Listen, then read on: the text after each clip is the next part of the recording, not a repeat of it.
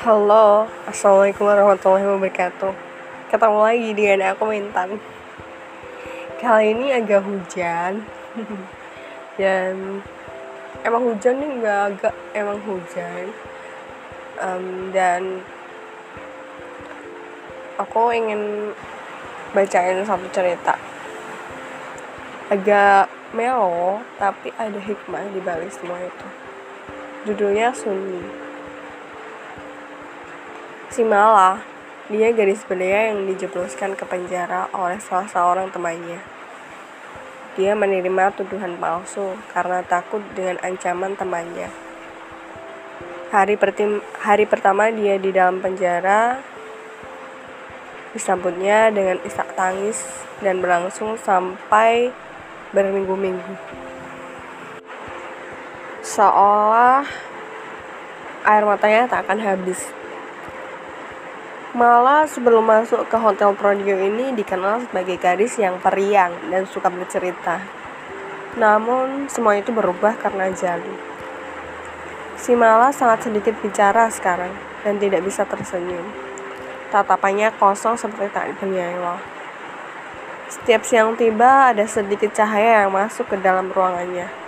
Dia duduk tepat di bawah sinar matahari itu dan mengikuti perpindahannya Si malam merindukan matahari yang hangat menyinari hari-harinya.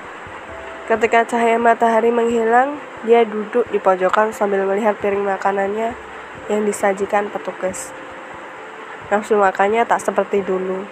Di sini si Mala jarang sekali makan, sehingga membuat pipinya yang cabi berubah menjadi tirus tak berdaging lagi. Dia terlihat tua dengan senyum yang hilang dan badan yang mengurus. Kebiasaan Mala yang masih bisa dilakukan di sini hanyalah bersenandung. Biasanya Mala menyanyikan lagu-lagu semangat, namun kali ini hanya lagu sedih yang keluar dari mulutnya. Si Mala mengeluh, Tuhan, aku masih hidup, tapi kenapa sesunyi ini?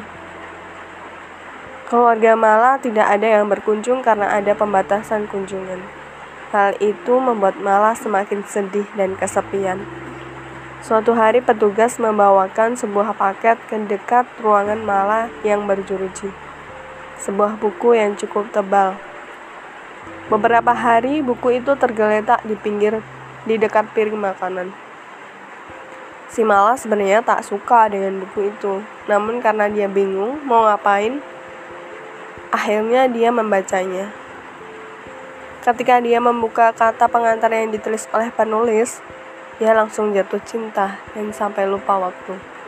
Buku itu berisi banyak nasihat tentang kehidupan. Berkali-kali si Mala menggelengkan kepala. Kenapa aku nggak baca buku ini dari dulu?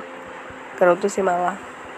Ada beberapa kalimat yang sangat mengesan, namun yang paling dia ingat adalah kepahitan, kesedihan, dan kepedihan merupakan bayaran untuk kehidupan di masa yang akan datang. Sekian.